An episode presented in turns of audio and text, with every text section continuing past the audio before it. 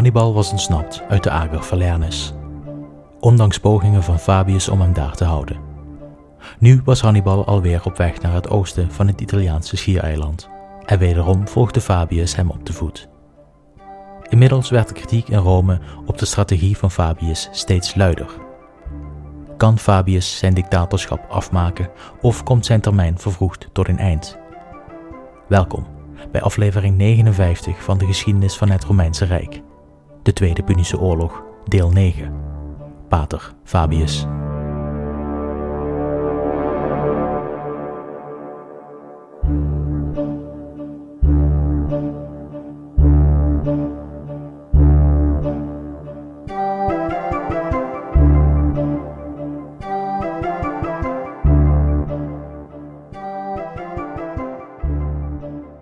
Hannibal was ontsnapt en in Rome was de consternatie groot. Fabius zijn populariteit was al niet best onder de Senaat, maar na de Ager Falernes werd het gezag van de dictator openlijk bekritiseerd. Fabius had Hannibal alweer toegestaan om Rome te vernederen, door Hannibal te laten ontsnappen uit een schijnbaar onontkoombare situatie. Ook onder zijn eigen soldaten en officieren werd de kritiek op Fabius luider. Hij werd steeds vaker Hannibals pedagogus genoemd, in verwijzing naar de slaven die achter Romeinse schoolkinderen aanliepen en hun boeken droegen. Hannibal had daarnaast ook nog extra zijn best gedaan om Fabius zijn populariteit te testen. Gevangen genomen Romeinse soldaten in Hannibals kamp hadden hem in de Aga Falernus de villa's en boerderijen aangewezen, welke eigendom waren van Fabius. In een poging de dictator slecht af te schilderen in Rome, had Hannibal het bevel gegeven om alle villa's, boerderijen en grond rondom Fabius' eigendommen te vernietigen, maar het eigendom van Fabius zelf ongemoeid te laten. Toen de schade in de Ager werd opgenomen en de Senaat te horen kreeg dat Fabius zijn eigendommen gespaard waren gebleven, werd de roep om verantwoording door de dictator steeds groter. En het zou niet lang meer duren voordat Fabius gedwongen werd terug te keren naar Rome. Voor nu was Fabius echter nog een achtervolging van Hannibal. Hij marcheerde met zijn leger op ongeveer drie dagen achterstand van Hannibal door de Apennijnen. Hannibal besloot aan de oostkant van de Apennijnen een kamp op te zetten bij de stad Geronium. Een stad dat nog wel in het berggebied zelf lag en dat hem een goede verdedigbare positie gaf.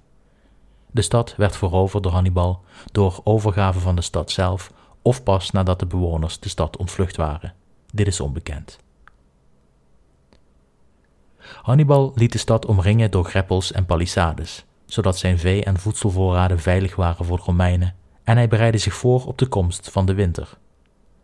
Met zijn verdedigbare positie en zijn vee en voedsel veilig, stuurde Hannibal vanuit Geronium duizenden soldaten het omringende bergachtige gebied in, op zoek naar meer voedsel, opdat ze de winter zouden doorkomen en genoeg voedsel hadden voor de komende weken na de winter.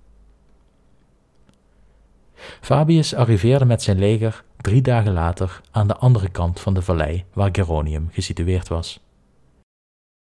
Hij zocht een hoger opgelegen, strategisch voordelige plek en zette wederom zijn kamp op, in afwachting van de volgende bewegingen van Hannibal. Terwijl Hannibals mannen met duizenden tegelijk rondom Geronium schijnbaar onverdedigd op zoek waren naar voedsel, werd Fabius dringend verzocht actie te ondernemen en Hannibals mannen aan te vallen. Maar Fabius moest van niets weten en gaf het bevel in het kamp te blijven. De omstandigheden waren niet naar Fabius zijn wens. Toen de Senaat hoogte kreeg dat Fabius wederom weigerde actie te ondernemen, was de maand vol. We weten niet precies om welke reden Fabius terug naar Rome keerde. Men schrijft over religieuze verplichtingen die hem ertoe dwongen terug te keren, maar het is goed mogelijk dat Fabius naar Rome terugkeerde om zijn strategie te verdedigen tegenover de oorlogszuchtige Senaat. Hij verliet het kamp in de Apennijnen en het bevel over het leger werd tijdelijk overgedragen aan zijn rechterhand Minucius, met de strikte instructie: laat je niet uitlokken, val niet aan, volg de Fabius-strategie.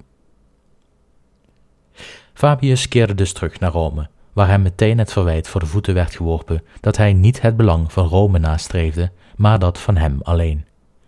Hij had het niet nodig gevonden om Hannibal in de Ager Falernus te houden, omdat zijn eigen grond niet geplunderd werd. Degene met de grootste mond tegenover de dictator waren de volkstribune, die, door een functie, als vrijwel de enige niet onder het directe gezag van de dictator vielen, maar nog enige vrijheid hadden om de dictator te bekritiseren zonder hun hoofd te verliezen. Fabius verbleef enkele dagen in Rome, terwijl hij probeerde zijn tactiek te verdedigen en steun onder de Senaat en de bevolking te verzamelen voor zijn tactiek. Intussen, in de Apennijnen, stuurde Hannibal steeds meer en meer troepen buiten de stadsmuren van Geronium om voedsel te verzamelen en de Romeinen in de gaten te houden. Hannibal moet van zijn verkenners vernomen hebben dat Fabius was vertrokken uit het kamp. Waarom Hannibal zoveel troepen uit zijn kamp en de stad stuurde, is niet helemaal duidelijk. De kans is groot dat hij probeerde de Romeinen uit te dagen tot een gevecht. Nu Fabius weg was, werd het leger vast en zeker geleid door een heethoofdige Romein, die met open ogen in een valstrik zou stappen. Maar niets was minder waar. Ondanks dat de Carthagers met grote aantallen en onbewapend dicht bij het kamp van Minucius kwamen, hield de meester van de paarden zich aan het bevel van zijn dictator. Nee hoor, grapje. Minucius hield zich zeker niet aan het bevel van zijn dictator. Het was zijn tijd om te schitteren in Fabius' afwezigheid. Minucius verliet het kamp op de heuvel en marcheerde met zijn leger de vallei in, om een stuk dichter bij Hannibals positie een nieuw kamp op te zetten. In de vallei had Minucius zijn strategische voordeel opgegeven. Hannibal zag de Romeinse beweging en gaf het bevel aan twee derde van zijn leger om uit de stad te marcheren. Hannibal liet een flankerende heuvel bezetten, vanwaar de Carthagers uitstekend zicht hadden op het Romeinse kamp, terwijl de rest van zijn leger een kamp opzette nabij het kamp van Minucius, in afwachting van Romeinse agressie. Die agressie kwam niet veel later. Ik zal het gevecht niet uitgebreid beschrijven, maar Minucius viel de Carthaagse positie op de heuvel aan en stuurde het overige en grootste deel van zijn leger op het kamp van Hannibal af. Hannibal marcheerde met zijn leger uit zijn tweede kamp en bood de Romeinen gevecht. Hij was echter in de minderheid en het gevecht met de Romeinen liep anders dan normaal. Doordat Hannibal slechts twee derde van zijn leger had gepositioneerd in het tweede kamp, had hij zijn cavalerie moeten achterlaten in Geronium, en zonder zijn cavalerie waren de Romeinen sterker. Of Hannibal dit met opzet deed om zich zwakker voor te doen en de Romeinen valse hoop te geven, of dat de paarden nog niet voldoende hersteld waren voor het gevecht, blijft onduidelijk. Minucius slaagde erin de vijandelijke troepen op de flankerende heuvels te verjagen en de uitkijkposten over te nemen. Vervolgens gaf Minucius het bevel om door te gaan met achtervolgen en vanaf de net veroverde heuvels hadden de Romeinen vrij spel om Carthaagse voedselverzamelaars, die en masse in de vallei achter de heuvel aanwezig waren, te doden of gevangen te nemen, terwijl de Romeinse zware infanterie de Carthaagse generaal bezighield bij het kamp. Door het gemis aan cavalerie moest Hannibal toezien hoe de Romeinen de heuvels in de vallei overnamen en Minucius trok zich terug van het Carthaagse kamp. Zijn doel was schijnbaar bereikt.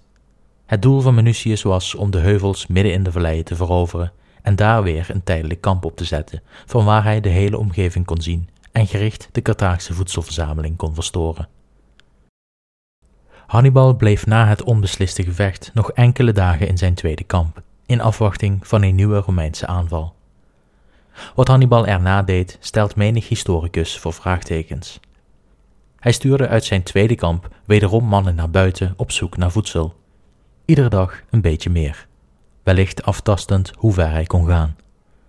Hij was reeds in de minderheid en nu stuurde hij ook nog eens steeds meer troepen naar buiten op zoek naar voedsel. Waren zijn voedselvoorraden zo laag dat hij wel moest? Dat is na de plundering van de Aga Falernis en de grote voorraad in Geronium waarschijnlijk niet het geval. Daarom denkt men dat Hannibal dit deed om incompetent over te komen op Minucius, Minucius had nu geroken aan een mogelijke overwinning, en de vraag is of hij deze rare actie van Hannibal kon weerstaan. Terwijl Hannibal steeds meer mannen buiten zijn kamp stuurde en Minucius in eerste instantie niet leek te happen, hapte de bevelhebber uiteindelijk wel. En het vreemde is dat ook nu hij als morele overwinnaar het slagveld zou verlaten. Was hij dan toch incompetentie van Hannibal geweest? Minucius stuurde vanaf de heuvel wederom zijn zware infanterie op Hannibals kamp af, terwijl zijn lichtere infanterie en zijn cavalerie de andere kant van de heuvel afstormden om de Carthaagse verzamelaars zoveel mogelijk schade toe te brengen. Het gevecht bij het kamp was bloedig en zwaar, aangezien Hannibal nog steeds geen beschikking had over zijn eigen cavalerie en de Romeinen wisten successen te behalen aan de andere kant van de heuvel. Veel Carthaagse voedselverzamelaars zouden de dood vinden of vluchten terug naar Geronium. Hannibal besefte nu dat de tactiek die hij in gedachten had niet werkte en hij trok zich terug van het gevecht. Hij liet zijn tweede kamp achter en trok georganiseerd terug naar Geronium. Manutius was in zijn nopjes. Hij had Hannibal verslagen. Fabius was nog maar enkele dagen weg en het was hem nu al gelukt om Hannibal te verslaan door agressieve druk op de ketel te zetten. Manutius zorgde dat zijn overwinning behoorlijk werd aangedikt voordat er woord naar Rome gestuurd werd. En toen in Rome het bericht kwam dat Manutius eindelijk een overwinning op Hannibal had weten te bewerkstelligen, ontstond er een jubelstemming. De Senaat werd bevestigd in zijn vermoeden dat de tactiek van Fabius niet werkte en dat Hannibal veel beter verslagen kon worden door de ouderwetse Romeinse manier, zo snel mogelijk een gevecht. Fabius zou de Senaat zelfs nog geattendeerd hebben op het feit dat Manutius' overwinning werd aangedikt. Fabius zou de jubelende Senaat erop gewezen hebben dat Manutius een overwinning had behaald op wat verzamelaars, maar niet op Hannibal. Deze opmerkingen schoot een volkstribuun in het verkeerde keelgat, en hij beschuldigde Fabius van jaloezie en het misgunnen van een overwinning die zijn eigen falen pijnlijk had blootgelegd. Fabius deed nog een laatste poging om goodwill te creëren onder het volk. Hij liet zijn grond en villa's in Campanië, die dus gespaard waren door Hannibal, verkopen, om met het geld gevangen genomen Romeinse soldaten vrij te kopen bij Hannibal, iets dat de Senaat eerder geweigerd had. Het mocht echter niet baten. De Senaat was overtuigd van Minucius' kunde en men besloot om de meester van de paarden hetzelfde imperium te geven als de dictator, wat effectief betekende dat er weer twee consuls waren, in plaats van één dictator. Nu het imperium verdeeld was en Minucius net zoveel zeggenschap had als Fabius, was de Senaat klaar met de dictator. En Fabius was klaar met de Senaat. Constaterende dat hij had gefaald om zijn tactiek te verkopen aan de Senaat, vertrok hij terug naar het kamp van Minucius. Terwijl in Rome wijdverbreid het geloof bestond dat men in de vorm van Minucius nu eindelijk eens een generaal had die Hannibal zou verslaan. Eenmaal terug in de Apennijnen ontmoette Fabius zijn nu gelijke, Minucius. Er moest besloten worden hoe het leger geleid zou worden. Fabius stelde in goede traditie voor dat men het bevel per dag zou wisselen tussen hun beiden, of dat men het leger zou opdelen, zodat beide heren het bevel hadden over een eigen leger. Manutius koos voor het tweede en vertrok met vier legioenen uit het kamp om positie in te nemen in zijn oude kamp, midden in de vallei. Zijn positie op de heuvel was hiermee opgegeven. Fabius vertrok met zijn vier legioenen terug naar het oorspronkelijke kamp op de strategisch beste positie, op ongeveer drie kilometer afstand van Minucius. Enkele dagen gingen voorbij en op een ochtend werd Minucius gewekt door een van zijn officieren. Hannibal had persoonlijk positie genomen op de heuvels in de vallei en had zicht op de Romeinse kampen. Minucius, zelfverzekerd door zijn recente succesvolle schermutselingen tegen de Carthagers, mobiliseerde zijn leger en marcheerde uit het kamp. Hij had de Carthagers al eerder van de heuvels weten te verjagen, en ditmaal zou niet anders zijn. Terwijl het Romeinse leger aan de voet van de heuvel stond opgesteld, gaf Minucius het bevel aan de eerste linie zware infanterie om tegen de heuvel op te marcheren en Hannibals positie te veroveren. Hannibals troepen waren in de minderheid en minder zwaar bewapend dan de Romeinse tegenstander. Het duurde niet lang voordat de eerste scheuren in de Carthaagse linie zichtbaar werden en men langzaam terugtrok over de heuvelrug onder zware druk van de Romeinen. Maar wat Minucius nog niet wist, was dat achter de heuvelrug, in een blinde vlek voor de Romeinen, een groot aantal zwaar bewapende en ervaren Libische infanterie klaar stonden om hun linie te versterken. En toen Hannibals troepen tot aan de heuvelrug waren teruggedrongen, gaf hij het teken aan zijn Libische infanterie om zich in het gevecht te mengen. Het numerieke overtal van de Romeinen op de heuvel sloeg om, en de Carthagers waren nu in de meerderheid. Al snel werden de Romeinen verder weggedrukt van de heuvelrug, en het gevecht verplaatste zich meter voor meter in de richting van het kamp van Minucius. Aangezien Minucius' leger gehalveerd was ten opzichte van de eerdere krachtmetingen met Hannibal, had hij niet de beschikking tot nog meer zware infanterie. Nu zijn troepen het zwaar hadden tegen Hannibal en van de heuvel gedrukt werden, moest hij snel reageren en hij liet direct zijn cavalerie richting de heuvel vertrekken om de Romeinen te versterken.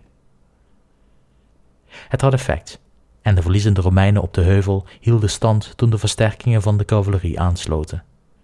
Maar met zijn cavalerie in gevecht had Minucius zichzelf beroofd van verkenners. Zijn cavalerie kon niet en Hannibal bevechten en de omgeving verkennen op zoek naar eventuele verstopte vijanden. Maar misschien was dat ook helemaal niet nodig, want het gevecht op de heuvel ging weer de goede kant op. De Romeinen kregen de overhand, totdat de Carthaagse cavalerie ineens opdook van achter de heuvelrug. De schermutseling op de heuvel leek uit te lopen op een echte veldslag. Met de toevoeging van de vijandelijke cavalerie moest Minucius weer ingrijpen, en hij besloot ditmaal om zijn volledige leger in één keer in te zetten en de Carthagers zo snel mogelijk van de heuvel te verjagen. Nu beide legers vrijwel volledig in het gevecht betrokken waren, was dit misschien wel het moment om een beslissende overwinning te behalen op Hannibal. En Minucius ging all in. Precies zoals Hannibal het bedacht had. Het mag inmiddels geen verrassing meer zijn, maar Minucius marcheerde met zijn volledige leger in een valstrik. Hannibal had die nacht ervoor enkele duizenden Libische infanteristen en cavalerie uit de stad gestuurd om in groepen van 100 à 200 man positie in te nemen aan de noord- en zuidkant van de aanlooproute naar de heuvels, en hen het bevel gegeven zich te verstoppen en onzichtbaar te maken voor de vijand. Toen Minucius met zijn hele leger betrokken was in het gevecht op de heuvels en hij terrein begon te winnen, liet Hannibal het teken geven. Van achter de Romeinse linies doken enkele duizenden Carthaagse vijanden op die aan de zij- en achterkant van de Romeinen terechtkwamen en hier enorme schade aanrichtten. Wederom zagen de Romeinen een heel consulair leger vastgezet in een valstrik van Hannibal. Fabius zag vanuit zijn eigen kamp hoe de valstrik zich uit de doeken deed. Hij had Minucius, de Senaat en het volk nog zo gewaarschuwd. En ondanks dat dreigde er wederom een heel leger vernietigd te worden door Hannibal.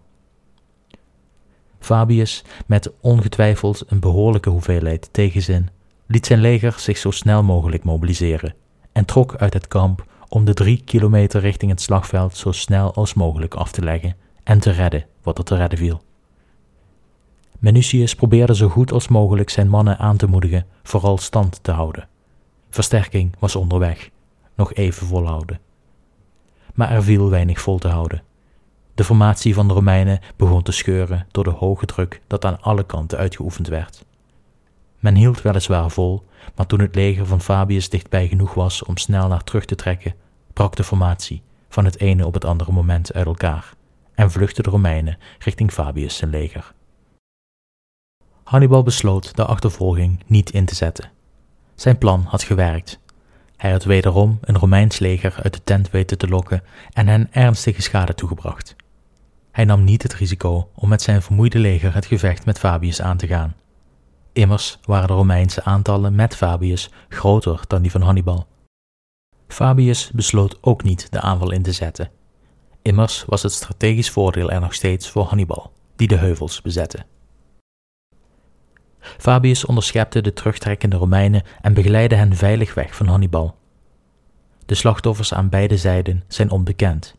Het was op geen enkele wijze een beslissend gevecht geweest, maar we mogen aannemen dat Minucius meer mannen verloor dan Hannibal. Maar dankzij een snelle reactie van Fabius kon een slachting voorkomen worden.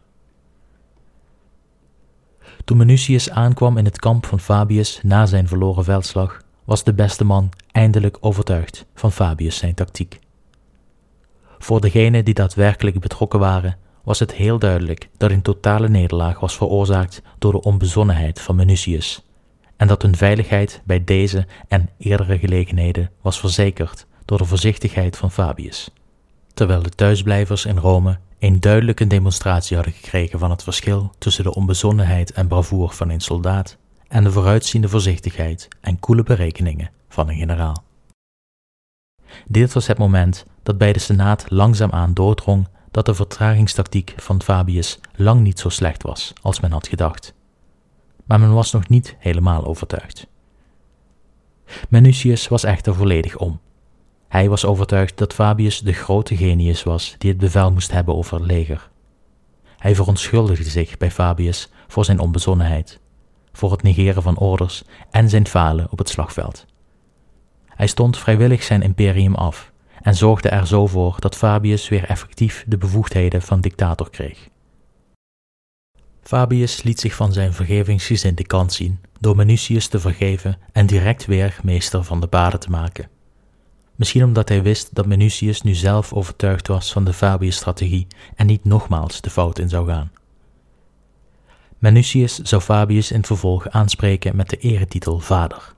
Een eerbetoon aan Fabius, daar de vader in de Romeinse cultuur kon beslissen over leven en dood van zijn zoon, zoals Fabius dat had gedaan door Minucius te redden uit de klauwen van Hannibal en hem vervolgens in genade terug te nemen. Er gebeurde na de veldslag weinig rondom Geronium. Hannibal liet snel verdedigingswerken opzetten op de heuvel, waarvan hij de Romeinen in de gaten kon houden, terwijl Hannibal zelf terugtrok naar de stad om aldaar te overwinteren. Die hele winter van 217 voor Christus gebeurde er vrijwel niets in de Apennijnen. En zo komen we bij het eind van deze aflevering. In de volgende aflevering gaan we het hebben over Iberië, waar de gebroeders Scipio voor het eerst de Ebro oversteken en een aangename verrassing ontvangen in de vorm van het verraad van Abulix. Ook gaan we kijken naar de voorbereidingen voor het gevecht bij Cannae. Voor nu wil ik u alweer bedanken voor het luisteren en tot de volgende keer.